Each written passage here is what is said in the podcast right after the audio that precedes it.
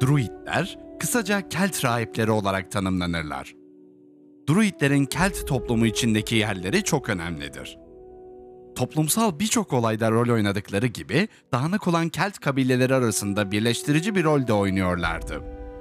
Druid sözcüğünün kökeni de tartışmalıdır. Klasik metinlerde Druid sözcüğü Grekçe'de ve Latince'de farklı şekillerde de geçer. Bu sözcükler hiçbir Kelt Roma yazıtında bulunmadığı için orijinali de bilinmemektedir. Fakat Galya dilinde Druvis ya da Druvid şeklinde olduğu tahmin edilmektedir. Eski İrlanda dilinde ise bu sözcük tekil olarak Drui, çoğul olarak Druid şeklindedir. Etimolojisi bilinmemekle beraber yaşlı Plinus bu sözcüğün Yunanca ve Hint-Avrupa kökenli bir karışımdan türediğini söylemiştir. Keltlerin kutsal mekanları ve topraklarından birisi olan Galatya'daki mekanlarının ismi ise Drunemeton olarak bilinmektedir. Druidler hakkında tam fikir sahibi olabilmemiz çok zordur. Druidlerin veya daha da irdelersek Kelt rahiplerinin geçmişlerini inebilmek çok zordur. Arkeolojik kaynakların azlığı ve ikinci elden gelen kaynakların doğrulanamaması sebepleriyle Kelt rahiplerinin dolayısıyla Druidlerin özü bilinememektedir.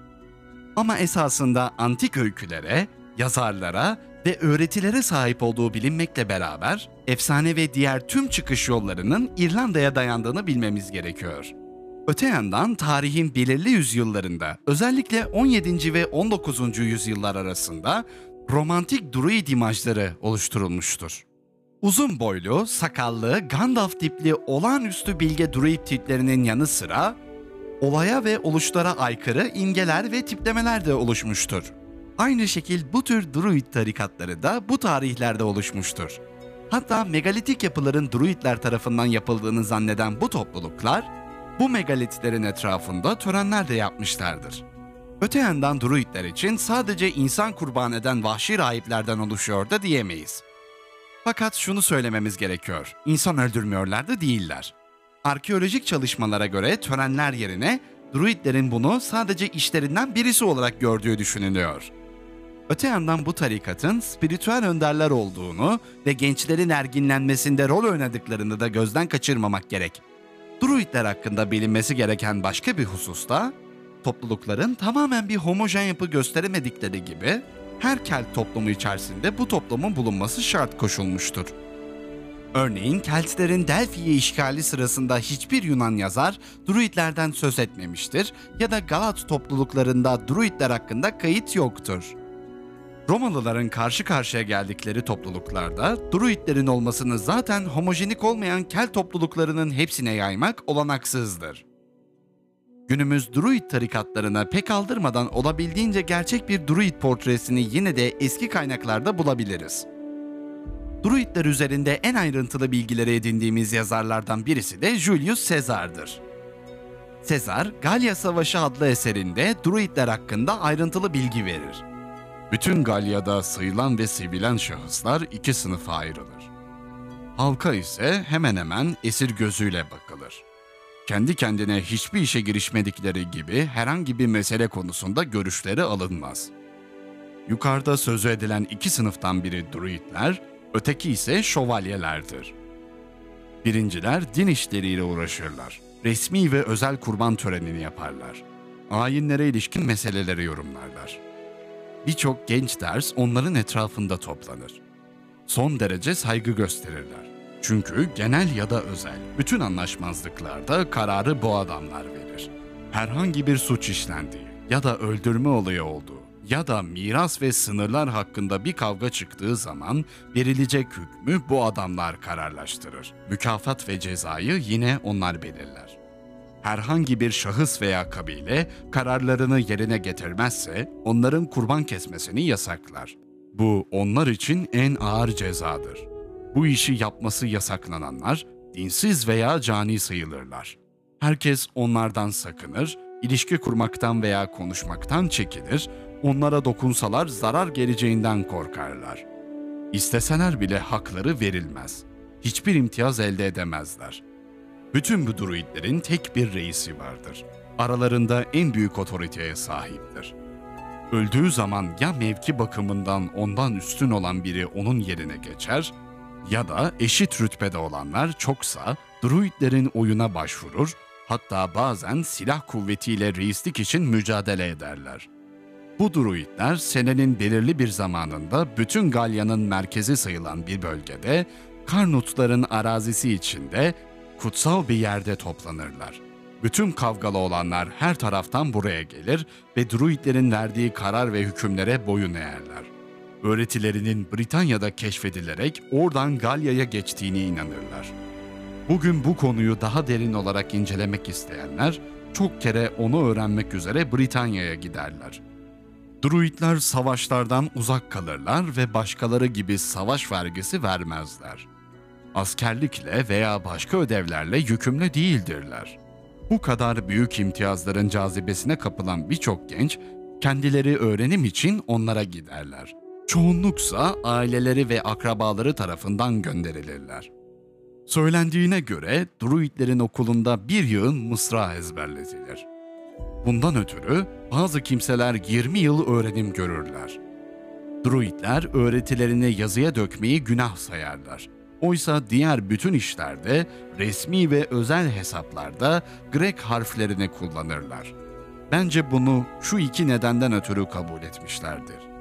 Ya öğretilerinin halk tarafından bilinmesini arzu etmezler ya da öğretiye edinenlerin yazıya güvenerek hafızalarını geliştirmeyi ihmal etmelerinden korkarlar. Gerçekten de yazının yardımı öğrencinin ezberleme çabasını ve hafızanın işlemesini körletebilir. Öğrenmek istedikleri en belli başlı inanç, ruhların ölmediği ve ölümden sonra belli bir kişiden başka bir kişiye geçtiğidir. Bu inanç, ölüm korkusunu ortadan kaldırdığı için onları kahramanlığa yönelten en büyük etki olarak görülür. Bundan başka yıldızlar ve hareketleri, evrenin ve yeryüzünün büyüklüğü, tabiatın özü, ölümsüz tanrıların kuvvet ve kudretleri konusunda birçok tartışmalar yaparlar ve bilgilerini gençliğe aktarırlar. Bütün Gal milleti dini törenlerine son derece büyük bağlılık gösterir.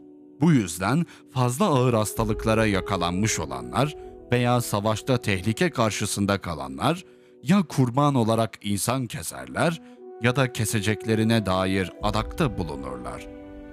Bir insan hayatı yerine başka bir insan hayatı kefaret olarak ödenmezse, ölümsüz tanrıların duyduğu kızgınlığın yatıştırılamayacağına körü körüne inanırlar. Özel hayatta olduğu gibi genel hayatta da kurban töreni yaparlar. Bazıları da çok büyük heykeller yaparak sazlardan örülmüş uzuvlarını diri insanlarla doldururlar. Sonra ateşleyerek yakarlar. İnsanlar alevler içinde can verirler. Hırsızlık, haydutluk ya da herhangi bir cinayet işlerken yakalananların idam edilmesinden ölümsüz tanrıların çok fazla hoşlandıklarına inanırlar. Fakat bu gibi adamların sayısı eksilince masumları bile kurban etmekten çekinmezler. Bütün Galler Dis denilen tanrısal babadan doğduklarını ileri sürerler ve druidlerden öğrendiklerini söylerler. Keltlere karşı savaşan bir komutan tarafından yazılmış olsa da burada druidler hakkında önemli ipuçları buluyoruz. Strabon ise Geografya adlı kitabında druidlerin yaşantısına şöyle değinir. Doğaüstü öğretilerine ek olarak ahlak sorunlarıyla da uğraşıyorlardı ve bu sebeple herkesten daha doğru olarak biliniyorlardı. Hem teker teker bireylerle ilgileniyorlar hem de toplumun iyiliği için çalışıyorlardı. Yasal olaylarda da karar verme gücüne sahiptiler. Bu suretle savaşların gidişini kontrol eden ve savaşa katılacak orduları denetleyen ve özellikle cinayet suçlarında karar veren kişiler olarak da biliniyorlardı. Bunlar çok sayıda olmaya devam ettikçe bir o kadar da toprağın göndereceğine inanıyorlardı. Ve onlarla birlikte diğerleri de ruhun ve evrenin gelecekte bir zamanda su ve ateş her şeyi yenecek olduğu halde ölümsüz olduğu fikrini savunuyorlardı. Diodorus ise druidlerden şöyle bahseder. Druid adı verilen ve büyük saygı gören bazı filozoflar ve din adamları vardı. Adetlerine göre bu filozoflardan biri olmadıkça hiçbir kurban töreni yapılamazdı. Çünkü sunularının tanrılara ancak tanrısal doğadan nasibini almış bu adamlar vasıtasıyla ulaşacağına ve isteklerinin yine bu adamlar tarafından yapılması gerektiğine inanıyorlardı. Savaş söz konusu olduğunda da gerek düşmanları gerekse kendi halkları onların ve şarkı söyleyen bardların sözünü dinliyorlardı. Romalı Hipolit ise milattan sonra 3. yüzyılda Druidlerle Pitagorasçılar arasında bağlantı kurar. Druidler Pitagorasçı felsefenin ateşli savunucularıdır. Bunu onlara Pitagoras'ın müridi ve kölesi Zalmoxis öğretmiştir. Pitagorasçı hesaplar ve büyü pratikleri sayesinde yaptıkları öngörülerle Keltler üzerinde büyük bir etki sahibi olmuşlardır. İskenderiyeli Clemens ise çok daha değişik bir görüş ortaya atar. Alexander Pitagorasçı semboller üzerine olan eserinde Pitagoras'ın Asurlu Nazaratus'un öğrencisi olduğunu ve ayrıca Brahmanlardan ve Galatlardan ders aldığını söyler. Her iki yazarın da yazdıkları gerçekle çok ilişkili olmasa da Druid öğretisinin diğer ezoterik öğretilerle olan ilişkisine değindikleri için anlamlıdır. Daha önce de anlattığımız gibi Druid öğretileri sözlü veya yazılı olarak belirli olmadığı için kesin hatlarıyla birlikte bilinmemekle beraber antik yazarlar ve eski Kelt metinlerinden yararlanarak Druid öğretisinin ana hatlarını yapılan arkeolojik çalışmaların sonucundan ve ikincil kaynaklardan ortaya çıkartabiliyoruz. Daha öncesinde Sezar'ın anlattığı gibi Druidler bütün Kelt kabileleri arasında saygı görmekteydi. Toplumsal olaylarda kabileler arasında yargılama ve karar verme hakları vardı. Daha sonrasında Strabo'nun da söylediği gibi savaşlarda ara buluculuk yapabiliyorlar ve sona erdirebiliyorlardı. Druidlerin toplumsal görevlerinden biri de törenleri yönetmekti. Bir druid töreninin en güzel betimlemesini Plinus vermektedir. Keltlere göre meşe kutsaldı. Eğer meşe ağacı üzerinde ökse otu varsa bunu ondan çok daha kutsallaştırıyordu. Bu törense bir meşe ağacında yetişen ökse otunun bulunmaması üzerine düzenleniyordu. Tören için uygun zaman gelecek ayın 6. günü olarak seçiliyordu ve o gün için yemek ve kurban edilecek iki beyaz boğa hazırlanıyordu. Daha sonra meşe ağacındaki ökse otu altın bir orakla druidler tarafından kesiliyor ve toplanıyordu. Daha sonra da boğalar kurban ediliyordu. Bu tören daha sonraları yeni yıl törenleriyle de ilişkili olduğundan günümüzde yılbaşı çiçeği diye satılan bitkilerin aslında ökse otuna benzedikleri ve bu geleneği yaşattıklarını görürüz. Bazı antik çağ yazarları druidlerin ayrıca insan kurban edildiği törenleri de yönettiklerini yazmıştır. Toplumsal statülerin ötesinde druidlerin en büyük işlevleri gerek dini, gerek toplumsal alanda büyük bilgi sahibi olmaları ve bunu yeni nesle aktarabilecek güce sahip olmalarıydı. Kelt bölgesinden taşınmış druidlerden eğitim almak üzere birçok öğrenci gelirdi. Bu özelliklerinden ötürü olsa gerek, Pomponius Mela druidleri bilgeliğin üstadları yani Magistri Sapiente diye adlandırılır. Daha öncesinde de belirttiğimiz gibi druidlerin kaynakları limitli olmakla beraber öğretilerini yazılı değil, sözlü olarak ve ezberde tutması gerekecek şekilde öğreniyorlardı. Ancak bu öğrenimi aktarma biçimi bir enerjiye sahipti ve bu enerjinin kullanımı büyük bir dikkat gerektiriyordu. Antik kaynaklarda druidlerin öğretileri farklılıklar göstermektedir.